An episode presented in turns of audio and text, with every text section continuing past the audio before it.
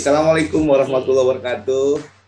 Jumpa kembali di podcast pertanian dan teknologi yang bisa Anda saksikan, Sobat Tani saksikan di Spotify, Anchor FM, Google Podcast, dan juga visualnya ada di channel YouTube-nya Dani Medio Novianto. Nah, kali ini kedatangan tamu istimewa, Novi dan Mayanti. Ya, betul Mbak Novi ya? Iya benar Pak.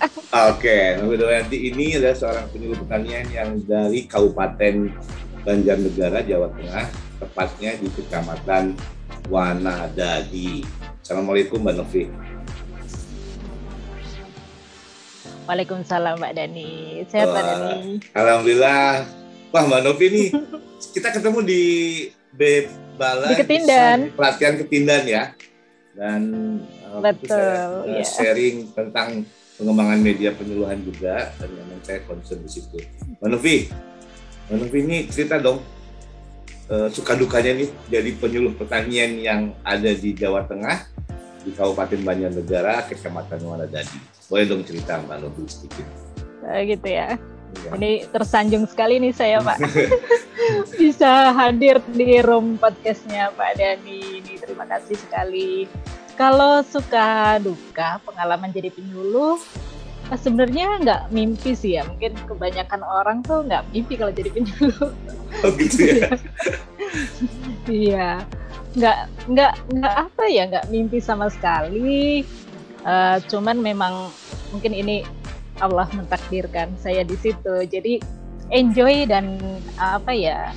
Kalau sukanya banyak, banyak banget karena ketemu dengan saudara-saudara pejuang pangan di lapangan itu asik, seru. Oke. Terus, iyalah pokoknya udah kayak keluarga semuanya.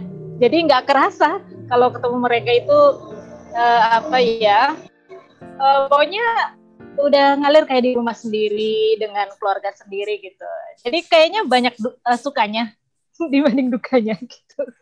Jadi kalau kita bekerja, kalau udah kita mencintai pekerjaan, apalagi sukanya udah banyak, udah nggak kerasa aja ya namanya capek, namanya eh, ngeluh, udah nggak ada Mbak Novi ya.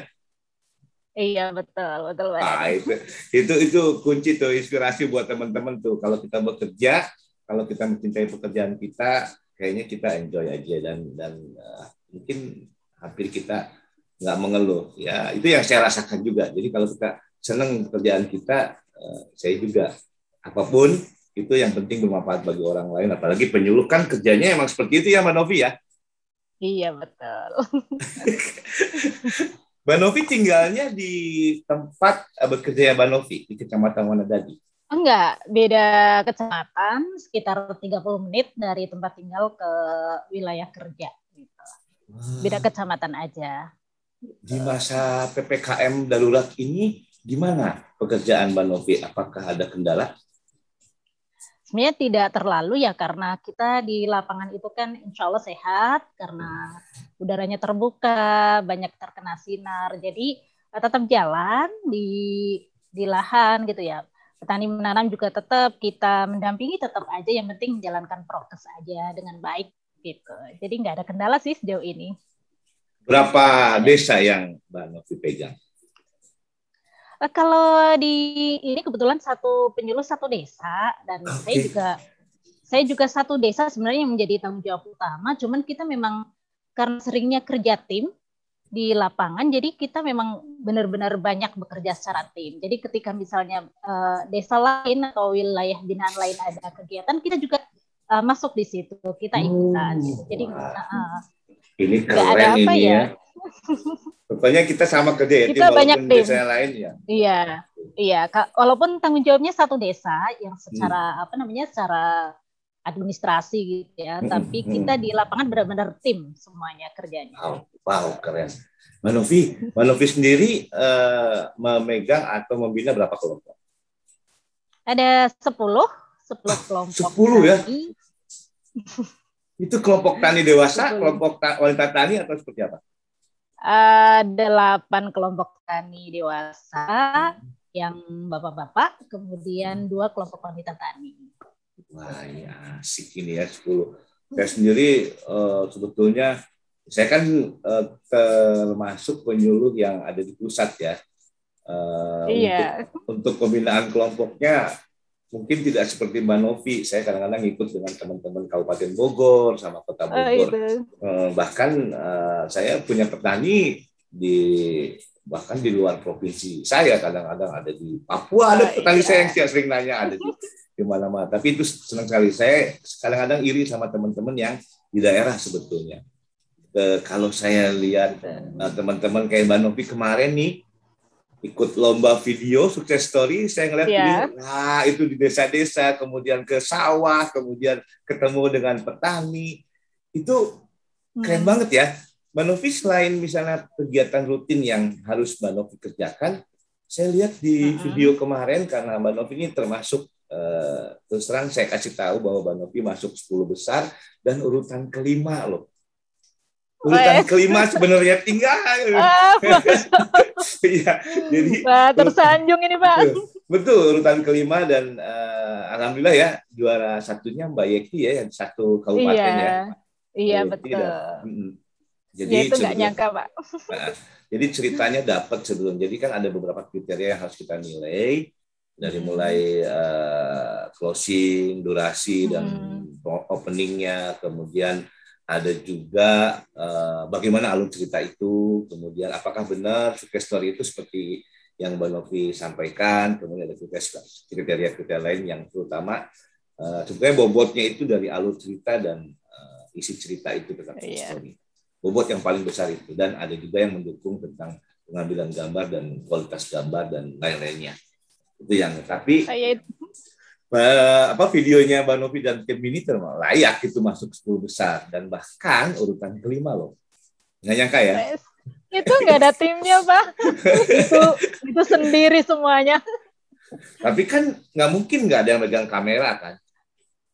Oh iya ada. ada. Nah, itu, itu, itu termasuk tim yang yang membantu Mbak Novi kalau tidak megang kamera. Iya. Nah Mbak Novi, selain Mbak Novi tadi uh, menjadi uh, tugas rutin ke kelompok, itu hmm. ada kegiatan lain nggak yang memang memang harus Mbak Novi kerjakan? Saya dengar ada kegiatan IPDM IP juga di sana ya. Iya ada, ada itu, kegiatan itu, IPDM. Itu kegiatan seperti apa Mbak? Bisa cerita Mbak? IPDM IP itu sebenarnya apa ya? Uh, kegiatan uh, inilah uh, rehabilitasi irigasi hmm. uh, yang di situ melibatkan partisipatif dari petani di sekitar daerah daerah hmm. irigasi itu ya uh, tujuannya biar petani ini semakin bisa apa meningkatkan budidaya pertaniannya, kemudian uh, hasilnya juga semakin meningkat gitu. Oh, Seperti jadi itu. Memang, jadi, jadi ada melibatkan petani ya semua ya, jadi yang iya, melibatkan peran ya. aktif petani, iya. Wah, Revitalisasi kegiatan, irigasi gitu. Itu kegiatan dari pusat atau daerah? Dari pusat, Bukan, kita ya. sebenarnya di BPP Nadadi itu ada dua kegiatan mirip ini kayaknya saudaraan ini saudara kandung hmm. sama-sama revitalisasi irigasi huh? yang pertama itu IPDMIP yang satunya SIMURP juga yeah. SIMURP gitu itu sama-sama revitalisasi irigasi juga dari pusat juga tapi ini uh, cuma daerah irigasinya yang berbeda gitu. tapi jadi lumayan uh, iya. rame kegiatannya. Iya, jadi jadi uh, kesibukannya bertambah dan itu menjadi salah satu tantangan buat Mbak Novi ya dan teman-teman di Kecamatan iya. tadi ya. Iya, kemudian juga kebetulan saya dan suami ini mengelola kampung, kampung edu wisata pertanian oh. atau edu wisata agro. Mantap ini. Cerita dong, cerita dong gimana? Gimana ada kampung edu wisata tuh gimana iya, bisa kita, terjadi? Ini ini saya ada di Joglo Joglo hmm. Seribu Tali ini di sini. Okay. Jadi ini di dalam kampung itu namanya Kampung Gagot, Pak Dani. Kampung, kampung Gagot, Gagot itu iya, ini menekankan pada edukasi pertanian gitu. Sasarannya anak-anak muda. Karena hmm. kita dulu berawal uh, berangkat dari keresahan kalau apa kita tahu generasi muda yang tertarik dengan pertanian itu kan makin dikit, makin dikit yeah. gitu. Jadinya kita saya sama suami kebetulan punya sen apa ya ketertarikan yang sama dengan pertanian? Akhirnya kita bikin ini. Oh, dari penyuluh juga? bukan. Bukan kirain kirain cilok gitu ya. Cinlok enggak bukan penyuluh enggak. Bukan, bukan. Hmm. Jadi uh, ya jadi apa sih namanya? Berharap ini aja sih Pak Dani. Berharap kebermanfaatan sebagai penyuluh pertanian ini lebih luas dengan adanya kampung edwisata agro ini. Ya. Gitu. Nah, jadi ya, itu yang mengelola Mbak Novi dan suami serta teman-teman petani milenial iya. atau petani pemuda tani. Iya, jadi memang utamanya tim manajemennya saya, suami, hmm. terus ada saudara, kemudian hmm. kita melibatkan petani-petani milenial di sekitar sini hmm. gitu dengan uh, keahlian masing-masing. Ada yang hidroponik, ada yang uh, di perikanan juga, ada yang hmm. di IT gitu. Jadi kita memang rangkul semuanya. Kita apa ya di sinilah bareng-bareng bersinergi untuk uh, Kampung Gagot Edwisata Agro ini. Oh, jadi kalau orang mau belajar ke sana, itu kecamatan mana tadi? Enggak, di tempat tinggal saya. Oh, di tempat tinggal uh, Mbak Novi buat uh, seperti kampung agro eduwisata. Kemudian iya. sambil sambil Mbak Novi juga sebetulnya melatih diri ya untuk bahwa saya seorang penyuluh iya. loh, punya kepedulian itu. Di samping juga iya. Uh, apa yang dapat dihasilkan dari kampung agro eduwisata itu bisa juga diterapkan di tempat kerjanya Mbak Novi. Mungkin begitu ya? Iya, betul. Di di wilayah yang uh, desa saya itu kebetulan juga merintis salah satu uh, apa ya ini baru rintisan untuk hmm. desa wisatanya gitu. Wow, ini keren. Insya Allah mau dikembangkan. Penyuluh tuh harus seperti itu memang ya. Saya juga beternak loh, Mbak. Saya kan background oh, iya. jadi saya beternak juga, saya punya domba, dan itu memang melatih saya sekarang selalu menekankan bahwa sampaikan apa yang Anda lakukan, yang Anda lakukan juga sampaikan gitu kan. Jadi memang kita kalau kita menyampaikan sesuatu kalau kita nggak pernah melakukan minimal kita pernah melakukan itu itu asik sekali kalau kita untuk uh, menyampaikan kepada orang lain. Pak, ini seorang penyuluh sobat tani yang punya uh, kampung agro ediwisata bersama petani milenial di wilayahnya dan di wilayah kerja juga sudah uh, mendukung dari hasil itu mendukung tugas dan fungsinya Mbak Novi ya. Wah ini keren amin, banget. Amin. Boleh dilihat, ditonton Mbak Dani. Di oh, Google aja, diketik. Oh ada ya? Ada, ada banyak insya Allah. Banyak. Nah, nanti ada, kalau ada. saya ada webnya saya, juga. Kalau saya ke sana ke Banjarnegara diajak ke sana ya. Wah senang, asik. Ditunggu Dani. Mbak Novi, nah tadi kembali kita ke pekerjaan Mbak Novi. Mbak Novi kalau misalnya hmm. di kecamatan atau wilayah kerja Mbak Novi ada nggak sih eh, apa namanya petani yang hmm. yang yang ngeyel atau susah gitu ada nggak Mbak Novi pernah nemuin itu nggak? Terus gimana caranya kalau Mbak Novi kalau ketemu petani yang seperti itu? Sebenarnya tantangan yang kayak seperti itu itu selalu ada Pak Dan, ya. selalu ada lah di mana-mana. Iya. Cuman seperti yang saya sampaikan di uh, story uh, video kemarin mm-hmm. itu saya memang eh, modal saya cuma modal sosial pendekatan sosial kekeluargaan mm-hmm. gitu dengan apa ya merangkul gitu jadi insya Allah tidak ada ya sesuatu yang tidak bisa diselesaikan apalagi kalau hanya uh, itu mungkin kan uh, cuma belum ini aja belum ngeklik sama kita jadinya ada yang agak susah gitu tapi kalau udah ngeklik nggak ada yang nggak nggak terpaut hatinya oh, gitu. Kuncinya harus kita ngeklik dulu sama ngeklik dia ya. dulu. Saya lihat ada di, di video itu ada anjang sananya ya. Mbak Novi iya. datang ke rumahnya gitu kan kemudian ya sambil hmm. di lapangan datengin ke lagi kerja petaninya. Wah itu keren banget hmm. deh.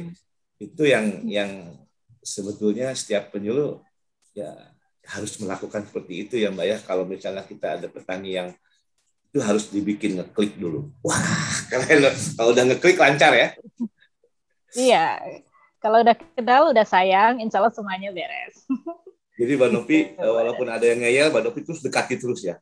Emang butuh waktu ya Mbak ya? Iya. Iya, betul, betul. Jadi, betul. Jadi, apa ya?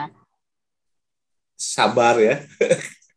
betul, betul. Sabar, sabar. Mbak Novi, eh, apa yang Mbak Novi rasakan? Berapa tahun sudah Mbak Novi uh, jadi penyuluh Saya dari 2008 berarti sekarang 2008. udah 13 tahun. 13 tahun. Itu Mbak Novi yang Mbak Novi rasakan nih. Saya pengen supaya teman-teman juga yang melihat ini uh, apa ya uh, bisa mengambil uh, hikmahnya atau inspirasi dari Mbak Novi. Apa sih Mbak Novi? Ini selama 13 tahun ini apa yang Mbak Novi rasakan? Ya? Ah, ya, menemukan apa terus kok bisa okay. jadi seperti apa Mbak Novi? Ya kalau saya bahwa menyuluh menjadi penyuluh pertanian itu bukan sekedar apa ya, bukan sekedar pekerjaan atau profesi, tetapi di situ ada misi mulia bagaimana hmm. uh, merangkul uh, para petani, saudara-saudara petani, teman-teman petani itu benar-benar menjadi pejuang pangan yang uh, mewujudkan pertanian ini tidak hanya sebatas rutinitas, tapi bagaimana uh, apa menjadikan pertanian ini beraktivitas di pertanian ini dengan cinta gitu ya. Maksudnya kalau kita sudah melakukan apa pun dengan cinta, maka tidak ada beban di sana. Jadi kita bisa melakukan dengan sepenuh hati, sekuat jiwa, dengan sekuat tenaga sehingga bisa eh, menghasilkan hasil yang maksimal gitu. Jadi selama ini saya itu apa yang saya catat itu bahwa apa pun yang kita lakukan dengan cinta itu pasti kan memberikan hasil yang maksimal termasuk wow. di pertanian gitu. Wow. Jadi ya. selalu ada cinta untuk pertanian. Wow, keren ini, keren, keren, keren. Waduh, saya jadi langsung ngedengerinnya aja. Wow, ini ini sobat tani. Jadi tadi ya bekerja tuh dengan cinta aja sudah pasti tidak akan uh, ada, insya Allah tidak ada halangan yang uh, apa namanya yang, yang sangat berat gitu ya. Jadi itu dianggap ah, biasa ya keluhan-keluhan atau kendala iya. itu kalau dengan cinta kita akan hilang sendiri dan tidak terasa. Waduh, ini Mbak Novi ini uh, bisa. Mbak Novi, nah sekarang saya ingin menanyakan tentang uh, networknya Mbak Novi ini. Samping dengan uh, kabupaten, hmm. ada nggak sinergi dengan instansi lain? Hmm, yang Mbak Novi sedang sudah kerjakan, kerjasama maksud saya. Oh gitu, banyak sih ya terutama kalau secara kedinasan mungkin memang berjenjang ya dari kabupaten, yeah. provinsi. Tetapi dengan Kampung Gagot Agrowisata ini malah saya justru menemukan banyak network, banyak jaringan yang itu benar-benar nggak terbatas apa pun. Jadi nasional, internasional gitu. Dan kita juga punya grup uh, grup para aktivis-aktivis pertanian gitu itu dari berbagai macam latar belakang. Ada yang praktisi tulen beneran, ada yang peneliti, ada yang stakeholder pemerintah gitu semuanya lengkap di situ. Namanya Warung Tani Indonesia. Dan kita juga bekerja sama dengan banyak pihaknya. Ada ada dari perbankan, CSR semuanya pokoknya kita hmm. bersinergi buat memajukan pertanian di Indonesia gitu. Ada juga program Smart Farm Academy di sini Hmm? Itu Dengan kita perguruan tinggi uh, ya? Uh, enggak, kita menyasar uh, anak-anak muda hmm? yang masih smart-smart gitu. Uh, kemudian kita dampingi dari usaha agribisnis mereka biar mereka itu uh, melakukan usaha tani itu benar-benar berorientasi bisnis sehingga benar-benar menghasilkan gitu. Ada Smart Farm Academy namanya. Wow. Gitu Pak Dani. Kalau dengan ini kayak uh, saya pu, saya kalau saya kan dari Badan Litbang Pertanian. Kalau dengan BPTP ya. pernah bekerja sama? BPTP pernah. Kalau dulu di wilayah kerja ada hmm. banyak sih, ada yang uh, UPSUS, ada KRPL gitu. Pengkajian-pengkajian ada? Iya, uh, pengkajian-pengkajian ada ya? banyak. Iya, farm ya. Uh, kaji terap gitu banyak, banyak juga.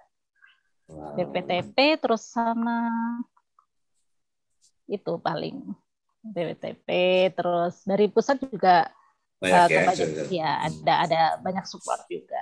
Hmm.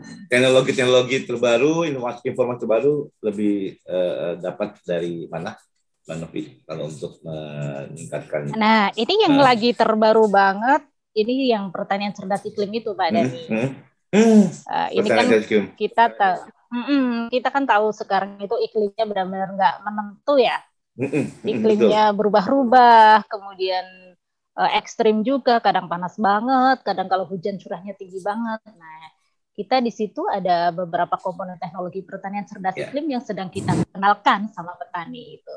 Itu bekerja sama dengan siapa? BMKG? Atau Ini dari kalau ini dari ya banyak sih dari BMKG, dari uh, Bal Balingtan, Balingtan juga. Oh, Balingtan, ya Balingtan, ya. Iya. Uh, Balingtan uh, Pati ya, ya. Iya betul. Hmm. Tapi ini yang paling utama, ini yang punya gawe ini BPSDMP. BPSDMP ya. Uh, wah. Iya. Saya pernah mengkaji itu loh tentang mitigasi iklim, bagaimana penyuluh juga oh, belajar oh, gitu tentang ya? bagaimana mitigasi iklim. Lupa saya tahun berapa saya menulis itu hmm. ya bersama Ibu Ume tuh, Ibu. Ume keren pak. Entar oh, kalau gitu. kalau saya bisa, saya seneng banget kemarin begitu lihat videonya, wah ini uh, keren itu keren dan kayak kayak gitu itu kegiatan-kegiatan seperti itu petani juga kita karena petani itu sekarang bukan lagi jadi objek, mbak. Jadi sekarang partner hmm. kerja kita, teman kerja kita, bahkan subjek dia yang berikan informasi kan dia kan. Jadi dia kita kita iya, kita kita harus dijadikan petani itu ya sebagai rekan kerja kita, partner kerja kita bahkan sahabat kita ya petani. Iya betul. Penyuluh sahabat petani Dani. Oh, iya. Mbak Novi, ini saya senang loh bisa ini. Mudah-mudahan nanti saya sengaja memang uh, dari lomba video kemarin, story itu teman-teman saya juga nggak, saya juga nggak hmm. nyangka saya ditunjuk menjadi uh, juri mungkin berdasarkan kompetensi yeah. yang yang saya punya dari Kementerian Pertanian menunjuk saya dan saya senang sekali kalau untuk penyuluh saya uh, selalu uh, all out dan total uh, yeah. Bapak penyuluh Indonesia ini Pak Dadi. enggak, enggak. Mbak Novi sampai saat ini tetap bangga jadi penyuluh ya? Uh, tentu, tentu Pak. Pokoknya udah udah jadi profesi yang dicintai pokoknya lah. Oke, okay, baik. Oke, okay. Mbak Novi ini kita saya ingin uh, terakhir ada quote nggak yang Mbak Novi uh, bisa sampaikan quote yang untuk teman-teman penyuluh semua di Indonesia ini. Hmm, ini quote kita ya yang sering kita gemakan agar orang cinta dunia pertanian. Selagi masih tinggal di bumi, maka belajarlah bertani. Gitu. Selagi masih tinggal di bumi, maka terus bela apa belajarlah bertani ya.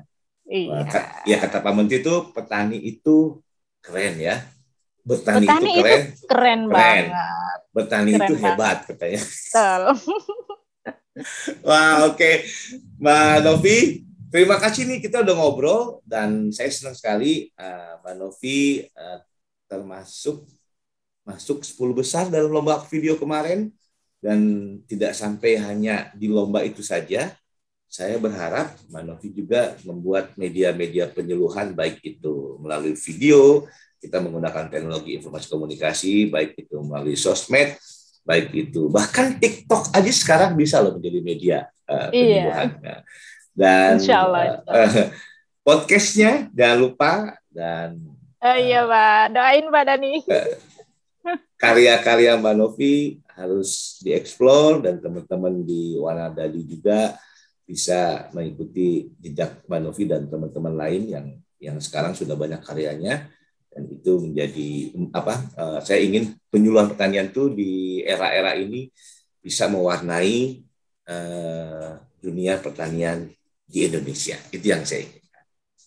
Amin amin. Saya berharap Manovi juga.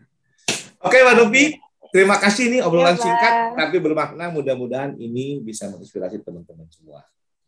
Tadi itu Makasih. Makasih Pak Dani pokoknya. Bekerja dengan cinta ya. Wah, keren. Iya. jadi jadi judul podcast ini nih. Terima kasih salam buat suaminya yang juga ikut berkontribusi uh, untuk mengolah kampung agro edu wisatanya dan salam buat teman-teman semua di Kecamatan Waladadi dan Kabupaten Banjarnegara. Terima kasih Mbak Novi. Sama-sama okay. Mbak Dani.